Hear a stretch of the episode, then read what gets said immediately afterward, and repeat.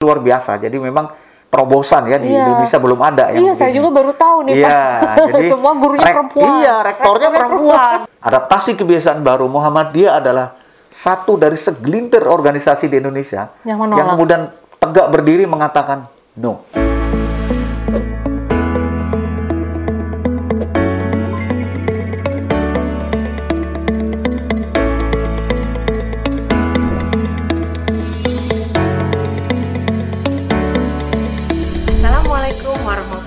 Wabarakatuh. Jangan lupa ya di subscribe, like, komen, share, dan tekan tombol loncengnya. Jazakallah khairan kasiro. Di studi ini Hmm? sehari misalnya bisa memproduksi 3-4 episode nggak cukup karena slotnya TVmu itu sehari Panjang. 17 jam. Oke. Nah, otomatis harus desentralisasi produksi. Desentralisasi produksi supaya ini juga efisien, tidak harus TVmu yang membiayai, tapi adalah unsur-unsur terkait yang di dalam internal Muhammadiyah itu bergerak, yaitu yang namanya PTMA. Apa Nah, Pak? PTMA itu Perguruan Tinggi Muhammadiyah dan Aisyah. PP-nya itu ada pimpinan pusatnya ada di Jogja dan Jakarta. Eh, Tapi baru dua memang. Ini ini luar biasa. Jadi memang terobosan ya di Iya. Indonesia belum ada yang Iya, saya juga baru tahu nih, Iya, Pak. jadi Semua gurunya rek- perempuan. Iya, rektornya perempuan, gitu. Dekan-dekannya perempuan semua. Tuh, menarik ya, sahabat. Ya. Aisyah itu menjadi organisasi perempuannya Muhammadiyah. Oh, oke. Jadi, eh, apa aja tuh Pak kegiatannya tuh? Kegiatannya ya dakwah dan kemudian banyak melakukan kegiatan-kegiatan yang sifatnya parenting, membangun keluarga, ya, Oh, oke. membangun keluarga sejahtera ala Muhammadiyah. Itu lebih banyak kepada gerakannya. Tapi juga sebagai sebagai apa ortom dari Muhammadiyahnya, organisasi otonom dari Muhammadiyah, Aisyah juga melakukan kegiatan dakwah. Tapi itu tadi fokusnya kepada pendidikan. Hmm, Nah, jadi makanya kan banyak itu misalnya TK, PAUD Aisyah iya, namanya. Aisyah juga. Nah, ah, Oke. jadi kalau dibilang PAUDnya itu ada Aisyah itu berapa? Wah ribuan. Iya. gitu kira-kira. Jadi di seluruh Indonesia itu pun ada. Bahkan ada eh, TK Aisyah di Mesir. Oh, iya, di Pak. sana juga buka. Wah. Jadi orang-orang Indonesia bukan hanya warga Muhammadiyah yang ada di Mesir, kan banyak sekali kan Iya, mereka iya. keluarga-keluarga itu, kemudian nyekolahkan anaknya di TK itu. TK Aisyah. Oke. Gitu, gitu. Nah, terus eh, kalau misalnya eh, pengajian, pendidikan pengajian gitu, Ya. Pak, ada Pak di, Ada. di TV? di TV-mu itu Eh, misalnya cara selain mengajar mengaji tahsin. Ada, ada, ada. Oke. Eh, ada. Jadi semua yang eh, konsep pendidikan keagamaan itu ada di TV-mu. Kemudian yang sifatnya agak-agak politis ya, yang isu nasional, itu ada namanya pengajian bulanan yang diselenggarakan oleh pimpinan pusat Muhammadiyah. Oh, eh, pengajian bulanan. Ya, itu, yang berapa di, kali eh, se- sebulan sekali. Oh, oke. Eh, dan selama masa pandemi ini bersifat eh, virtual ya. Iya, iya. Nah, jadi pusatnya itu dilakukan di eh, host hostingnya itu ada di PP Muhammadiyah Jogja. Jadi Muhammadiyah itu ada dua kantor pusat. Jogja Oh, sama sini Jakarta. sini, iya, iya, nah, iya. itu diselenggarakan oleh di sana punya namanya Pusat Siar Dakwah Digital Muhammadiyah. Oh, oke. Nah, Di eh, menjadi tempat pengajian bulanan. Nah, pengajian terakhir bulan ini itu mengangkat isu mengasa masalah korupsi Oh, korupsi. korupsi di Indonesia Oke. dan dikaitkan dengan nilai-nilai Islam, nilai-nilai kemuhammadiyahan, bagaimana cara mengatasi dan Muhammadiyah mencoba memberi solusi. Jadi di Oke. bagian-bagian tertentu dari pengajian itu misalnya eh, ditutup oleh Pak Ketum, Ketua Umum atau Pak Sekretaris Umum, Pak Sekum itu Iya. biasanya memberikan perspektif suatu masalah bagaimana Mu- Muhammadiyah memberi solusi. Mhm. Gitu kira-kira. Yang saya ingat kemarin itu misalnya Pak Sekretaris Umum mengatakan salah satu akar dari korupsi di Indonesia ini ya, yang susah diberantas adalah karena belum terciptanya budaya malu Iya. dan lemahnya pendidikan sejak masalah masalah pendidikan dasar. Jadi Pak Seku menekankan kalau ingin mencari solusi dari eh, mas, permasalahan korupsi ini bagaimana mulai dari bangku sekolah itu sudah mulai ditanamkan nilai-nilai untuk jujur, tidak bergaya hidup mewah segala Nah, macam. iya. Ini yang kemudian yang kejujuran, kemudian gaya hidup segala macam itu yang memicu masalah korupsi. Nah itu Muhammadiyah memberikan ini. Bagaimana konsep pendidikan yang ditanamkan oleh Pak sejak Pak Kiai Ahmad Dahlan ya mendirikan Muhammadiyah sampai sekarang ini. Dan Muhammadiyah adalah dikenal sebagai organisasi yang peduli dengan masalah kebangsaan, masalah sosial, masalah masyarakat, terutama berbasis nilai-nilai Islam. Gitu kira-kira. Ada olahraga kami di Muhammadiyah ini punya yang misalnya tapak suci. Di, di itu ya di Di, itu di ada ya? Muhammadiyah ya, secara organisasi tapak suci itu punya. Kemudian beberapa kegiatan mereka tentu kami liput, kami Iya. tayangkan. Oh. Karena mereka itu juga banyak membina generasi muda. Kalau bela diri itu kan lebih banyak membangun mental ya. Betul. mental untuk apa, seseorang itu menjadi Survive ya, kesatria ya, Iya. kesatria tidak tidak bergaya preman Iya, gitu ya. iya, iya. Lebih kepada kalau misalnya dia pertahanan diri. Iya. Gitu kira-kira. Lalu kami juga menayangkan si olahraga tapi ya cuplik-cuplikan dari sepak bola sekedar Mm. untuk memenuhi rasa ingin tahu warga.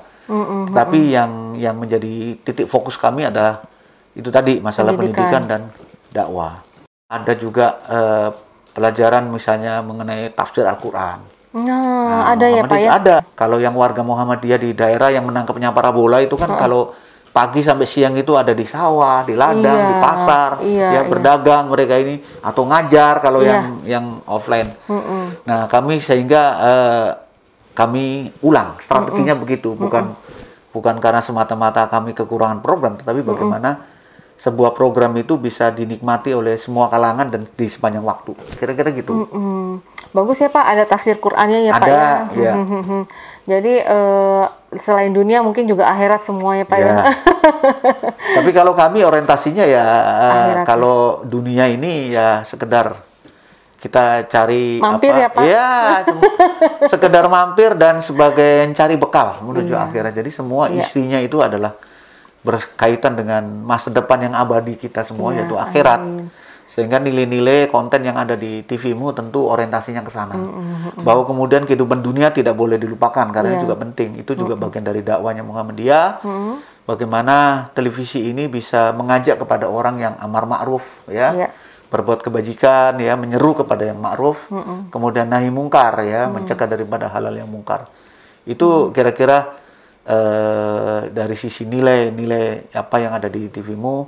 Kemudian juga eh, ada ungkapan misalnya kami ini Muhammadiyah itu teologinya al-maun ya. Oh, Al-maun jadi menol tolong menolong Iya, kepada iya. orang yang Iya. ah, ma- tidak mampu. iya. Itu menjadi ini. Makanya sejak awal Muhammadiyah didirikan Pak Ahmad Dahlan, Kiai Ahmad Dahlan itu salah satunya adalah menolong umat yang sengsara ya. Yang karena struktural maupun karena keadaan sosial kita tahu sejarah Muhammadiyah didirikan adalah ketika bangsa ini belum ada sebagai sebuah bangsa, sebuah negara ya. Jadi Indonesia ini namanya belum ada Muhammadiyah sudah memerdekakan sebagian masyarakat Indonesia ya, menolong dari kemiskinan, kebodohan ya, Iya, iya. penderitaan. Itu adalah cara-cara memerdekakan umat yang dilakukan oleh Pak Kiai Dahlan. Nah, kami kita-kita generasi muda tinggal meneruskan. Kalau saya ber- bergiat di bidang media komunikasi televisi, ya di situ diabdikan untuk ini, membantu sesama, memberikan pencerahan, ya, mengentaskan orang dari kebod- kebodohan apa melalui pendidikan.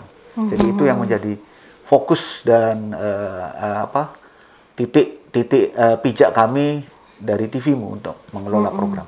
Nah, masa pandemi ini apa yang eh, eh, berikan kontribusi kepada rakyat nih Pak? Jadi begini, Bu. Eh, ketika pandemi COVID-19 ini ketemu, Muhammadiyah membentuk namanya MCCC. Muhammadiyah COVID Center, MCC. Oh, oke. Itu adalah terpusat terstruktur yang dilahirkan oleh pimpinan pusat Muhammadiyah untuk bisa membantu masyarakat Iya. dan negara, bukan pemerintah saja. Negara dan masyarakat ini supaya ikut menanggulangi pandemi yang global ini.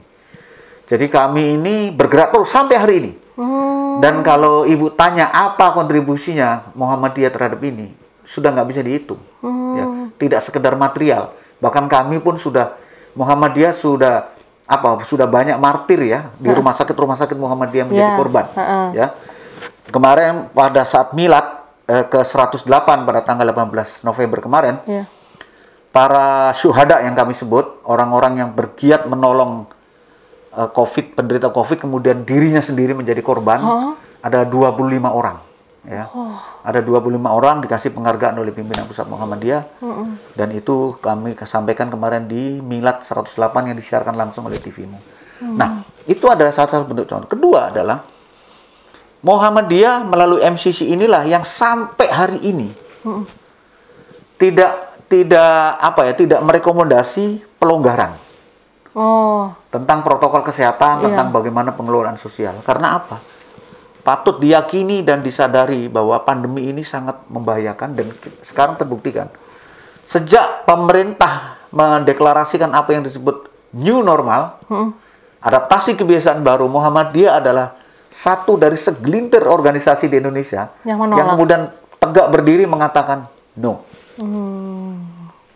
Nah, sampai hari ini eh, Ibu lihat misalnya kantor sini di Iya. PP, masjid pun dibatasi semua karena ini demi keselamatan warga bangsa dan masyarakat. Oke. Dan jadi eh, Muhammadiyah tetap istiqomah untuk tidak tidak sekali dilonggarkan. Masyarakat kita ini kan banyak yang abai. Iya, budaya masyarakat kita masih budaya yang longgar, tidak Iya. seperti bangsa lain misalnya. Ini sebagai catatan. Sehingga ketika di digencarkan, dikampanyekan misalnya adaptasi kebiasaan baru ini belum saatnya. Hmm. Jadi penanggulangannya itu tidak akan sukses kalau kalau yang namanya rem ini tidak dikendalikan. Iya, iya. Jadi kalau kepentingan ekonomi saja semata yang menjadi pertimbangan tentu ini eh, sebuah sebuah apa ya sebuah masalah yang hari ini kita ketahui bersama. Iya. Angkanya terus berkembang naik Iya, dan sulit iya. ditanggulangi.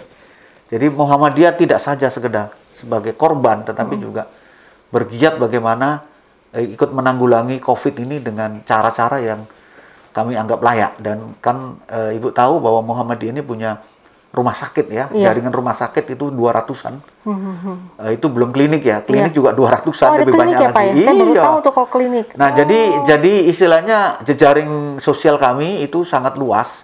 Belum lagi orang-orangnya kalangan dokter, kalangan tenaga medis itu Muhammadiyah salah satu organisasi yang mungkin terbesar di Indonesia ini, Hmm, oke. ya. Oke Pak, eh, kalau gitu terima kasih Pak Makrun. Baik. Eh, semua eh, apa namanya penjelasannya jelas sekali. Jadi mudah-mudahan sahabatku yang melihat bisa melihat eh, nonton TV-mu ya Pak TV-mu. ya.